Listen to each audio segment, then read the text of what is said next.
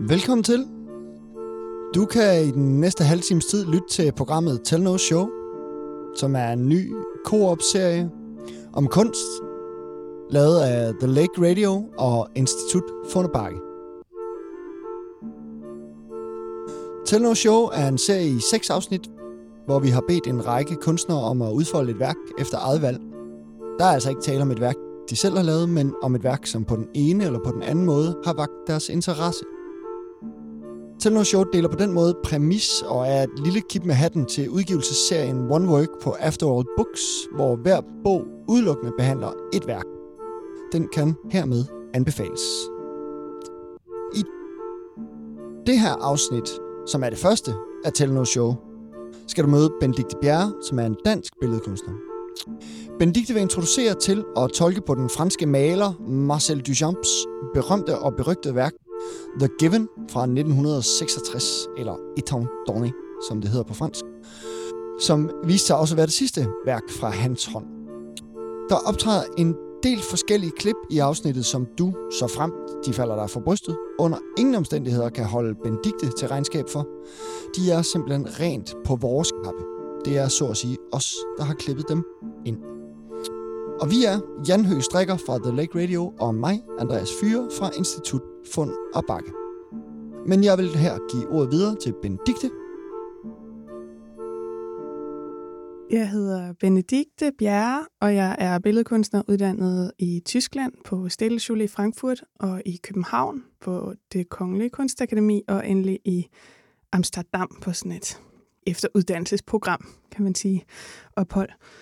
Og jeg arbejder selv med konceptuel skulptur og installation, vil nogen nok kalde det. Jeg prøver at insistere på, at det er konceptuel skulptur. Og øh, så underviser jeg ved siden af i øjeblikket på det Jyske Kunstakademi.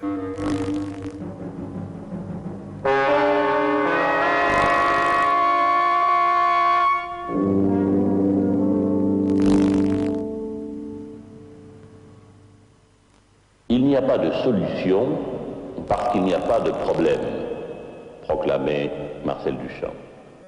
Jeg har valgt at forsøge at tale om et værk af Marcel Duchamp, og problemerne starter ret tidligt, fordi jeg faktisk ikke engang kan udtale den rigtige titel, da den er fransk, og jeg ikke taler fransk.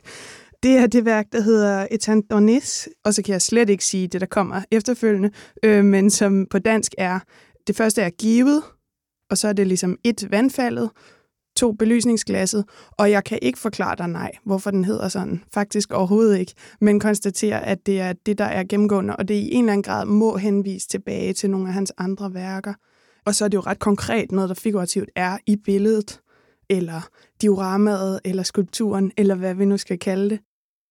Jeg så det her værk sidste år for første gang, og før det vidste jeg faktisk ikke, det fandtes. Og det er en... Øh, det kunne man se som en pinlig indrømmelse. Jeg prøver bare at stå op for det her, men det var en meget stor overraskelse for mig selv, at der var så væsentligt et værk, der var gået min næse forbi, fordi det på en eller anden måde føles som en, en nøgle til meget af det arbejde, jeg selv har beskæftiget mig med. Og derfor øhm, vil jeg gerne ligesom prøve at genopleve det eller sådan noget, men også bruge den situation, at jeg har et sådan ret, øhm, øh, hvad skal man sige, en naiv tilgang til det på en måde. Eller i hvert fald en uinformeret tilgang til det her værk.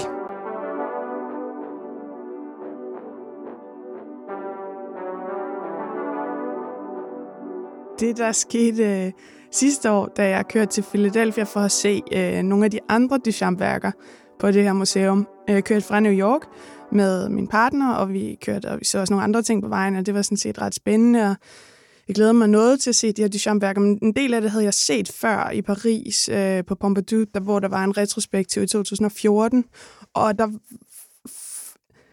på en eller anden måde, så altså, det greb mig ligesom meget mindre, end jeg havde forventet, hvilket var ret skuffende, og det ligger lidt i sagens natur, fordi hans værker er så øh, hårde, eller på en måde afvisende, eller det kræver en form for sådan, det kræver, at man som beskuer taler over sig, eller ligesom spiller over med sig selv, for at kunne få adgang til det, for på en måde er der ikke noget at se, eller det er et intellektuelt arbejde, som der er selvfølgelig noget at se, men det er, et, det er jo et spil i højere grad, end det er en direkte oplevelse, hvilket jeg godt var klar over, men jeg var på en eller anden måde, kunne jeg ikke forstå præmissen for det her spil.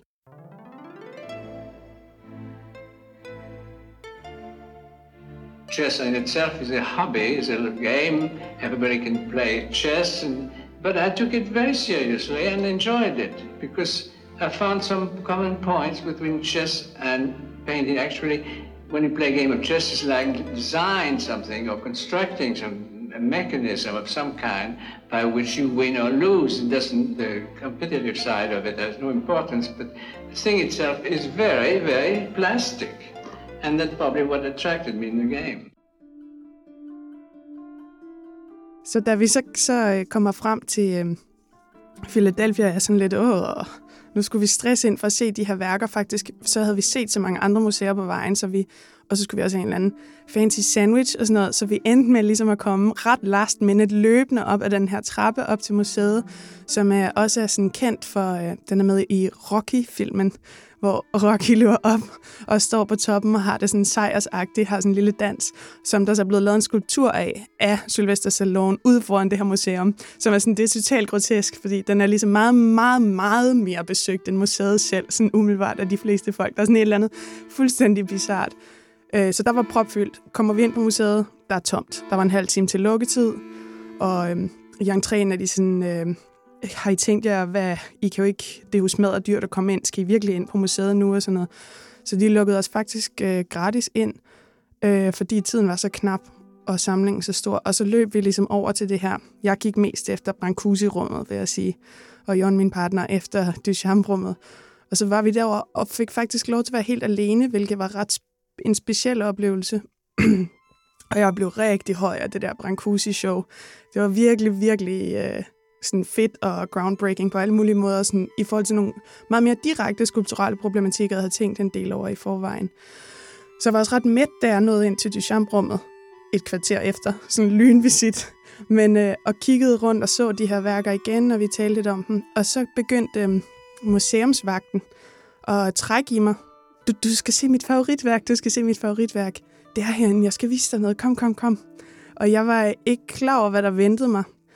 Så jeg blev meget overrasket, da vi kom ind i det her lidt mindre aflukkede rum, som ligesom er hen for enden, kan man sige, at det samlede Duchamp-rum, hvor der er sådan en sivmåtte, og så er der en stor dør, og der er sådan en dæmpet belysning, og det er, ja, det mindre. Der er en, der er en stor trædør, og så er der en muret øh, væg, og så er der en lille skammel, og så er der to små huller i den her port.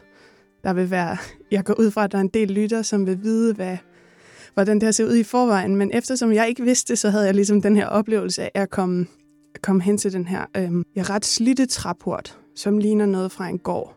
Så går jeg hen og kan se øh, ud fra slidmærkerne, hvor jeg ligesom skal sætte ansigtet mod den her dør for at øh, kunne kigge ind. Og det er, ja, der er ligesom to huller til øjnene, og der er også gamlen, så man kan stille sig op og kigge igennem porten. Herinde venter der mig så et, øh, et diorama eller et øh, en scene, et maleri. Nogle kalder det dekonstrueret maleri. Man kan måske også kalde det en film eller en, ja, en iscenesættelse i hvert fald. Det, det, som der ligesom fremgår, det er først en muret, et hul i en mur, en muret væg med et hul i, som har en afstand længere hen, så kigger vi ind på, eller jeg kigger ind, for det her det er en meget individuel oplevelse i virkeligheden. Øhm, peephole oplevelse kigger ind gennem de her bitte små huller ind på en nøgen kvindeskikkelse, konstrueret med nogle grene rundt om, og bagved det et landskab, og hun holder i hånden et glas, deraf måske den her titel også. Der er også et øh, vandfald, som bliver ved med ligesom at løbe til den anden side for hende. Og så kan man ikke rigtig se hendes ansigt. Det er ligesom bare to skaller på en måde. Det kan man heller ikke rigtig se. Det er ligesom bare sådan noget hår, der ligger meget mystisk henover. Jeg vil sige, kønnet er kønnet, det, det, det hele er meget oplyst, og det, som er absolut hovedspotpunktet, det er kønnet. Jeg ved ikke, hvordan jeg skal... Der, jeg har læst forskellige beskrivelser og tænkt på det selv på forskellige måder. Der er nogen, der sådan siger, når man kigger direkte op i kussen her, i skridtet og sådan noget, og ind i øh, hullet, og, og jeg tænker også, når jeg... Den her hulhed, det illustrerer, sådan, der er sådan en eller anden reference til senere, sådan, Øh, skulpturelle problematikker omkring skulpturens indre øh, ikke-kerne, eller det hule i skulpturen, som minimalisterne dealer med lige efter det her er blevet færdigt og sådan noget. Men for mig er det slet ikke det, der står frem. Det er sådan, at kønnet, det er billede på det, men billedet på samme måde som Mona Lisas smile. Altså, der er ligesom gået efter en form for uncanniness i måden, det er udformet på, som på en gang er, der er for eksempel selvfølgelig, det er øh, uden nogen behåring. Det er sådan en første ting, det er, hvad det er. Der er behåring under armene på den her underlige figur, som ligger. Men det er måske mere sådan en, der har togt, altså en, der faktisk har forsøgt at skjule sit lem ved at dække det under, men så samtidig er der direkte efter det et hul. Altså der er et eller andet, som fysiologisk i hvert fald ikke hænger sammen i mine øjne, som er sådan ret, det er ligesom det, man bliver ved med at kigge på, men så kigger man også på det andet. Det er tydeligt, at det er det, man skal kigge på i et forvredet perspektiv. Hele den her krop er faktisk ret forvredet.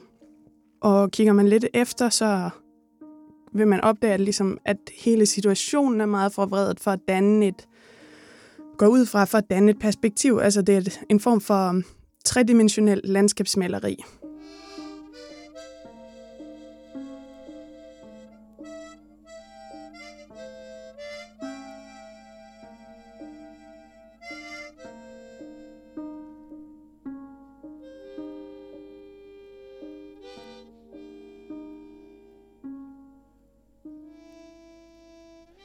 Sådan som jeg aflæser det, er det uklart faktisk, hvad der helt er sket. Der ligger en nøgen kvinde i en meget akavet position.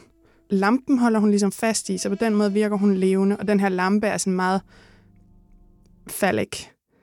Den, det er sådan en gaslampe. Den, der, det er så i virkeligheden elektricitet, der i den, kan man også se, men den er ligesom formet som en gaslampe, og hun holder sådan ligesom fast i den som en markør på, at hun er levende, men ellers ser hun meget død ud. For mig ligner det et gerningssted, jeg hørte sådan, jeg så sådan et eller andet mere sådan almindt uh, øh, tv-program, som introducerede det værket, hvor at det blev beskrevet som et, et, uh, et værk, der handlede om kærlighed og begær, hvor jeg tænkte, uh, jeg er glad for i hvert fald, det ikke er den kærlighed eller det begær, jeg oplever, fordi uh, det, jeg synes, det er ret sådan morbidt faktisk. Men det, det er uklart, hvilken helt, hvad det er for en scene. Det er en, en krop, som i vi må skulle aflæse i første omgang i hvert fald som en kvindekrop, som er placeret nøgen i noget, der må være et amerikansk landskab af en eller anden art. Kunne måske også være noget andet, men det føles sådan, sådan, som sådan essensen af sådan et eller andet bestemt landskab. Det er svært at afgå helt, hvor det er, men det er som om, man kender det, vil jeg sige. Det er sådan ret drømmeagtigt. Hun ligger sig i de her, alle de her grene. Og så sker der sådan set ikke så meget mere derinde altså det er sådan ligesom surrealistisk, eller som ud af en drøm, at man først kigger ind i den her mur. Man kigger igennem hullerne på en dør. Der kommer der så en mur. Efter muren kommer der så den her kvinde, som ligger i det her landskab, eller konstruktionen af det. For hvis man så kigger efter på, um, han har ligesom publiceret installationstegningerne for, hvordan det her det skal sættes op, og i dem fremgår det meget tydeligt, at ja, det slet ikke hænger sammen som motiv, men det ligesom er et diorama, eller det er en konstruktion af flere lag oven på hinanden, der giver en optisk fornemmelse af det, det vi ser. De her kvindekropsdele, eller hvad vi skal kalde det, de ligger ligesom på et bord, og grenene, som hun ligger i, de har til, til en vis del til, til formål ligesom at kamuflere der, hvor de her kropsdele er sat sammen på en ret så klodset måde. Altså, der er mange ligesom løsninger i det, og vandfaldet som løber i baggrunden, det er egentlig sådan en motor, der er sat ind i en kagedåse, hvilket også sådan virker som sådan en symbolsk sådan pun eller sådan en joke.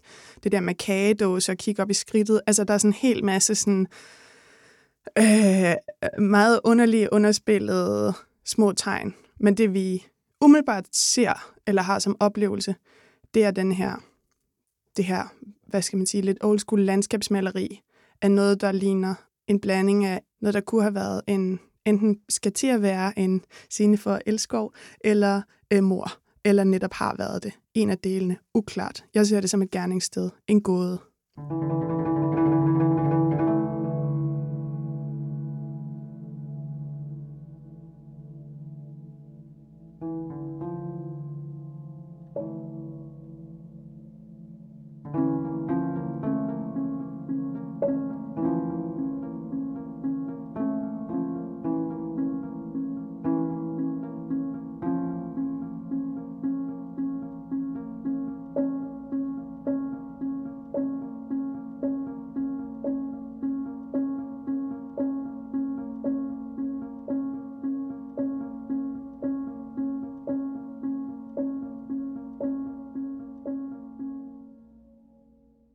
Det er meget tydeligt, at det refererer til mange forskellige steder på en gang. Nu nævnte jeg det her med, at, øh, at inde i selve værket, det føles som om, det henviser til et bestemt landskab, eller det føles i hvert fald som om, at det henviser til et bestemt sted i sindet, nærmest som om det er et, et specifikt minde, man kunne forestille sig, at det var Duchamps minde. Man kunne også forestille sig, at det var en form for populærkultur eller malerisk minde af et bestemt landskab. Der er en form for stedspecificitet i hele værket på flere forskellige niveauer, som optog mig meget, da jeg så det umiddelbart. Der er ligesom det første niveau, som er på en måde det, at det er på museet i Philadelphia – hvor det er muret inde på en måde, som gør, at det ikke kommer til at flytte sig. Det har ikke rejst. Der er blevet lavet kopier, men det er ikke rejst. Øh, og det føles helt integreret, derfor man kan se slidet i døren, på, på jorden, den her lille taburet. Det føles virkelig sådan integreret, ligesom, lige så integreret som den her vagt, som henviste mig til det, som endda også fortalt mig, at han aktivt efter, jeg tror, 10 års ansættelse havde spurgt, om han ikke kunne få lov til at vagte det rum, fordi det var hans favorit. Øh, så der er ligesom sådan, det føles som om, det virkelig hænger sammen med museet på mange måder, og øh, gør det også. Og måske også med den historie, som Philadelphia som by ligesom senere har fået.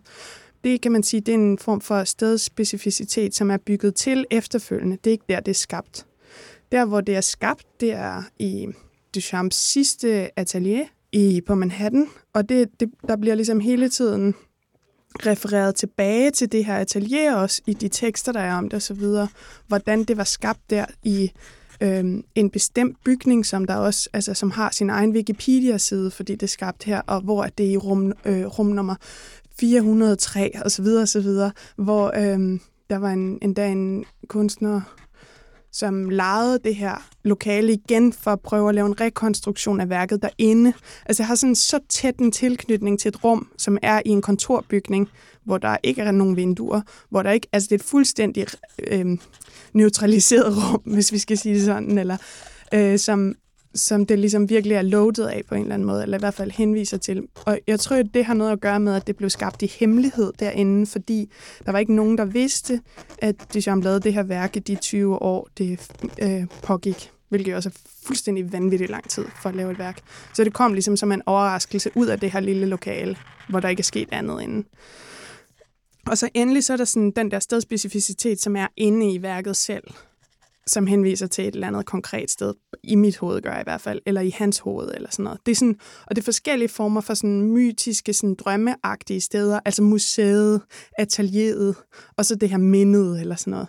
Og det, ja, det får sådan en, øh, der er sådan noget urbillede i det, som jeg synes er ret flot og som jeg også oplevede er blevet brugt mange steder senere, og som på en måde håndterer nogle af de problematikker, vi oplevede efter, eller fortsat oplever som billedkunstnere, efter de sene 60'er og start 70'ers stedspecifikke værker, de ændrede sig og blev mere og mere integreret, altså kunne repliceres på forskellige museer rundt omkring i verden, og lige pludselig ikke var så stedspecifikke, og i virkeligheden skabte grunden for den globaliserede samtidskunst, som vi kender den i dag, hvor man ligesom gentager de her greb af at foregive at være stedspecifik, men man kan flytte den samme stedspecificitet til et andet sted. Color is only a means of expression. In painting, it shouldn't be the, the last aim of painting. In other words, painting shouldn't be not on, only retin, retinal or visual. It should be to have to, to do with the gray matter of our understanding instead of purely visual. You see? So, so it's the same thing with my life in general. I, I tried at least to be as general as I could, and that's, for example, that's why I Uh, did when I took up chess. En ting, som meget hurtigt slog mig, da jeg stod over for det her værk, var stemningen. Det er helt klart, det er noget, man sådan stadigvæk synes jeg, vi har ret svært ved at tale om stemning som et legitimt ligesom greb eller øh, en kvalitet i kunst. Og her er det sådan, det er som om hele det der værk med alt det, det har så meget intellektuelt at byde på, og det har også ret meget visuelt at byde på. Men sådan helt i sådan, essensen for mig er det bare sådan en mega kondenseret sådan stemningsbombe, eller sådan uncannyness øh, øh, mm, fong, som man går ind i. Så stemning er en ting, som er helt vildt vigtig, men en anden ting er den her fordobling af ekshibitionismen og iscenesættelsen af, af dobbeltheden, altså iscenesættelsen af mig som publikum, og iscenesættelsen af værket som værk. Og det, og det, at man kigger igennem det her hul, og den intimitet, der er i det, som vi selvfølgelig kender faktisk også fra sådan noget peep shows, hvor man som besøgende betaler for at sidde og kigge ind ligesom bag en glasplade, hvor der er en anden, som ligesom den her scene i Paris, Texas af Wim Wendes, øh, hvor at, jeg kan ikke huske, hvad han hedder. Hun hedder Jane, og han hedder... Um, nå, det er også underordnet. Jeg tror faktisk, jeg har skrevet det ned et eller andet sted. Travis. Det er fuldstændig underordnet. De sidder og øhm, taler igennem det her glas, for ligesom at forsøge at genetablere kontakt. Hun, hun arbejder der som sådan en pige, der bliver kigget på, og så kommer hendes tidligere kæreste og opsøger hende. Der er noget i det der moment imellem, at de taler i telefonen, hvor de begge to er nødt til at underspille og overeksponere på én gang, som sådan et, et følelsesmæssigt overspil, som jeg synes eksisterer i det her værk også. Så den der øhm, skakagtige situation, Duchamp har sat op, eller man, er ligesom, man bliver nødt til at tænke med værket, hvordan forholder jeg mig til den her måde at forholde mig til et værk, der beder mig om at gøre det her nu. Eller der er sådan en form for sådan give noget for noget situation, som er rigtig spændende. David would sit here and I'd say, well, what do you see, David? What is, just talk to me. And David would say, okay, Angelo, we're in a dark woods now. And there's a soft wind blowing through some sycamore trees. And uh, there's, there's a moon out, and there's some animal sounds in the background. And, and you can hear the hoot of an owl. And you're in the dark woods. You know, just, just get me into that beautiful darkness with the soft wind. And I started playing.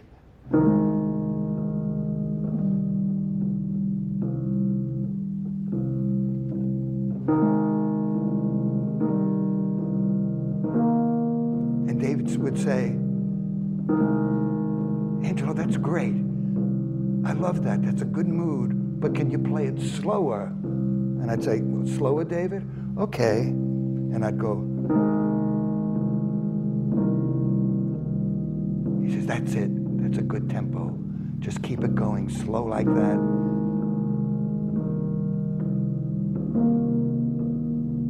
Just keep that going for a while. Jeg kunne ikke lade være med at tænke på, da jeg stod over for værket, at David Lynch har studeret i Philadelphia. Og det der værk, det er som om, at det er hele drejebogen for stort set hele Lynch's produktion, men i den grad for Twin Peaks.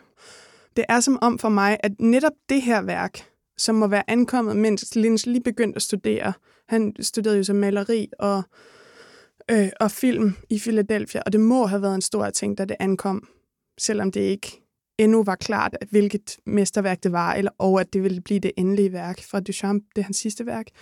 Men det er som om, altså, den her kvindelige karakter er så tæt på at være hende her Laura Palmer, som er hovedpersonen i Twin Peaks.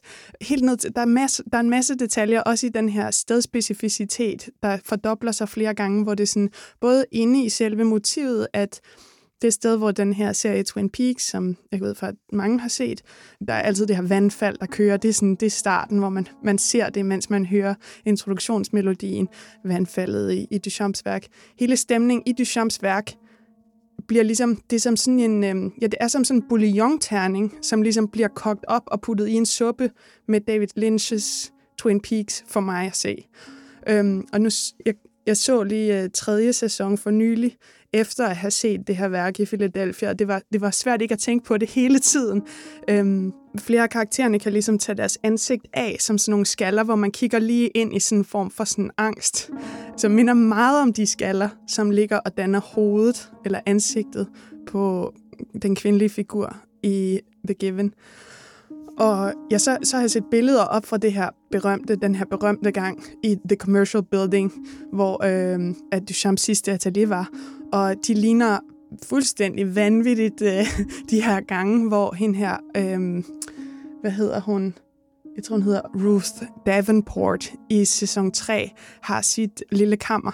Altså, der er, sådan, der er bare, det er som om, og, og også den der med, måske spoiler alert, og det er ikke fordi, man, det, at, at, at øh, sammenligningerne egentlig behøver at være så specifikke, men det er ret spændende. De her studier, som der bliver foretaget af en øh, ukendt rim, anonym rimand, vi finder lidt ud af senere, hvad der måske foregår, men af noget med en boks, hvor der sker noget inde i boksen, hvor der ligesom fremkommer nogle syner eller ånder eller sådan noget inde på Manhattan. Det er som om, det, for mig mimer det bare det der Duchamps atelier. Altså der er simpelthen, den har også den her sådan mærkelige stativkonstruktion, eller det Duchamp har i det her værk, The Given, der er gulvet ligesom skakternet. Det er sådan noget skakternet linoleum. Og om det er fordi, at det i udgangspunktet har været det, der har været gulvet i hans atelier, eller om det er noget, han har tilføjet for at markere den her perspektivforvridning, som sker, og som er meget belyst øh, i det her værk, for at det ligesom jeg ser ud på en anden måde. Det står ligesom lidt skævt, og det kan man jo så selvfølgelig lettere se, når der er et grid på gulvet. Eller om det er en reference til hans egen skak og den måde at tænke på, det er for mig uklart. Men i alle sæsonerne, alle tre sæsoner af Twin Peaks, der, der kommer der sådan noget ret specielt gulv, som ikke er helt skakternet. Men i mit hoved er, skar, er sådan, at de her gulvformer sådan forvredet skaktern, som er oppe i The Red Room. The Red Room har sådan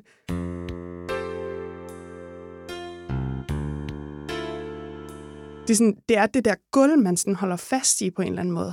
Som sådan for mig sådan henvist, der, der, er sådan, der, er sådan, der er simpelthen så mange mærkelige koblinger imellem dem, som får mig til at tænke, at det der værk, det på en måde har spredt sig som ringevandet, altså igennem Lynch's Twin Peaks, som er nået ud til massemedierne på sådan en måde, som virkelig har bare, altså mega masse appel øh, i forhold til, hvor grotesk syret det er men som bygger på samme logikker også af, at man er nødt til som beskuer hele tiden at overudlevere sig selv. Altså faktisk, at man er sådan, okay, nu taler træet til mig med sin hjerne. Hvad er det, der sker? Hvad er det? Hvordan aflæser jeg den her situation? Og når man sidder og diskuterer serien, mens man ser det med nogle øhm, kammerater, eller ser det diskutere det efterfølgende, vil man skulle prøve at afkode, hvad det er, der sker. Der er ligesom en helt kult ud af at afkode de her gåder, der ligger bygget ind i det, som på en måde tilsvarer den kult, der er omkring at afkode Duchamps, og som jeg tror meget af det faktisk har været ret intuitiv påfald.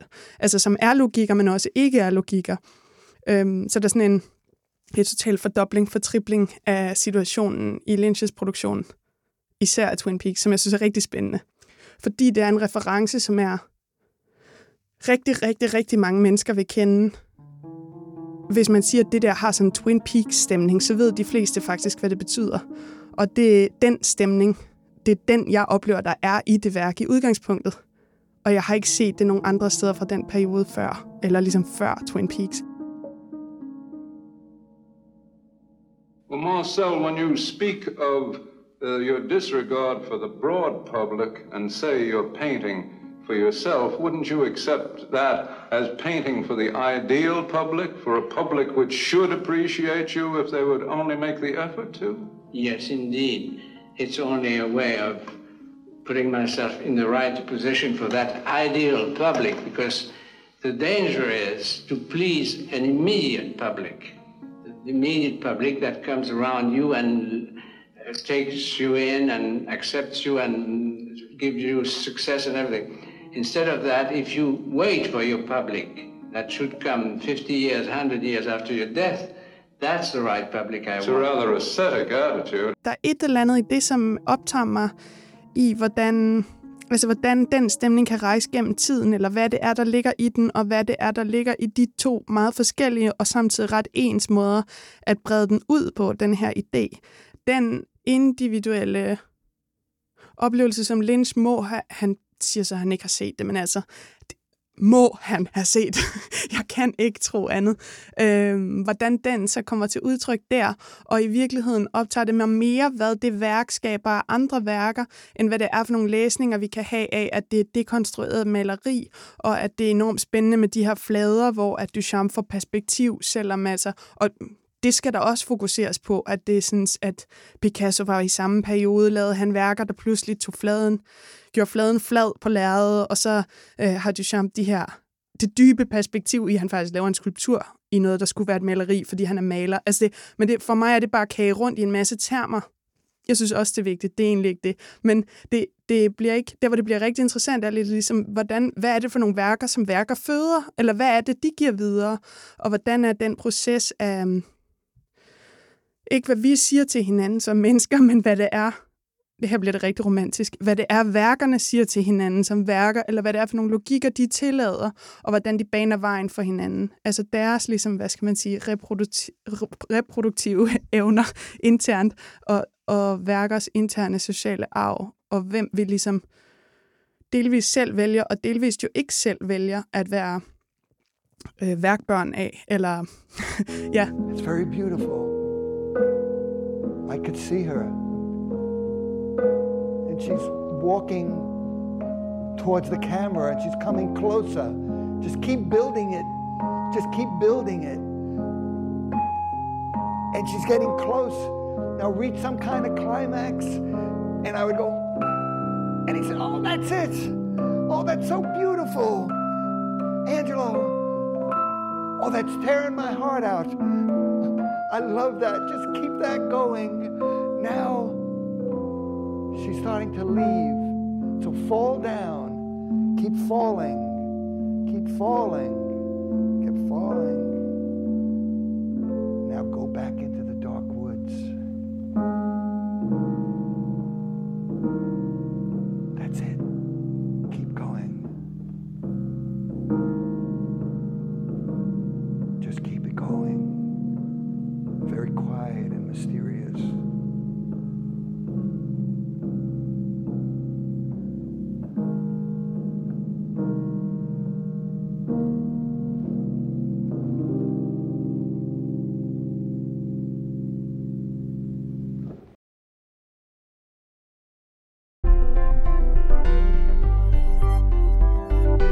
Hvis det skulle have vist sig, at du i løbet af den halve time har fået lyst til at opleve værket, eller så at sige spille over med dig selv til det, så foregår det på Philadelphia Museum of Modern Art.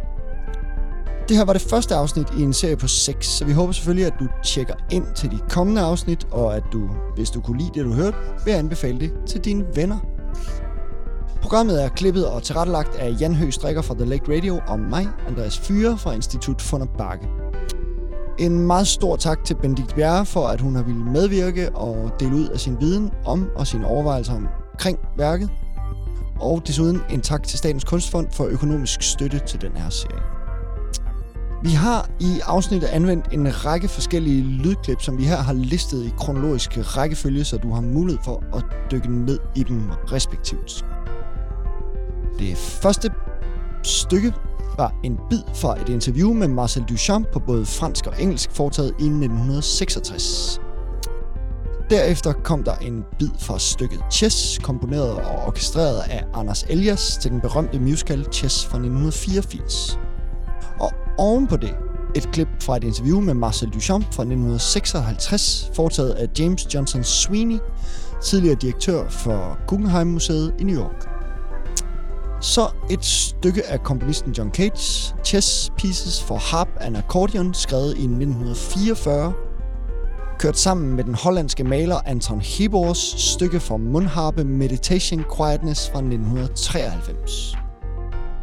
Så nogle ganske korte uddrag, næsten ikke decifrerbare fra den svenske forfatter og komponist Åke Hodels Djurgårds Färgen över Styx fra 1972. Så endnu et stykke af John Cates soloklaver. Det er jo trods alt The Lake Radio, det her. Music for Marcel Duchamp tilbage fra 1947. Herfra så en sammenblanding af forfatteren Morten Søndergaards LP The Sound of My Room fra 2016, og så Ken Andres Stillings konceptuelle LP-udgivelse Time to Remember fra 1973.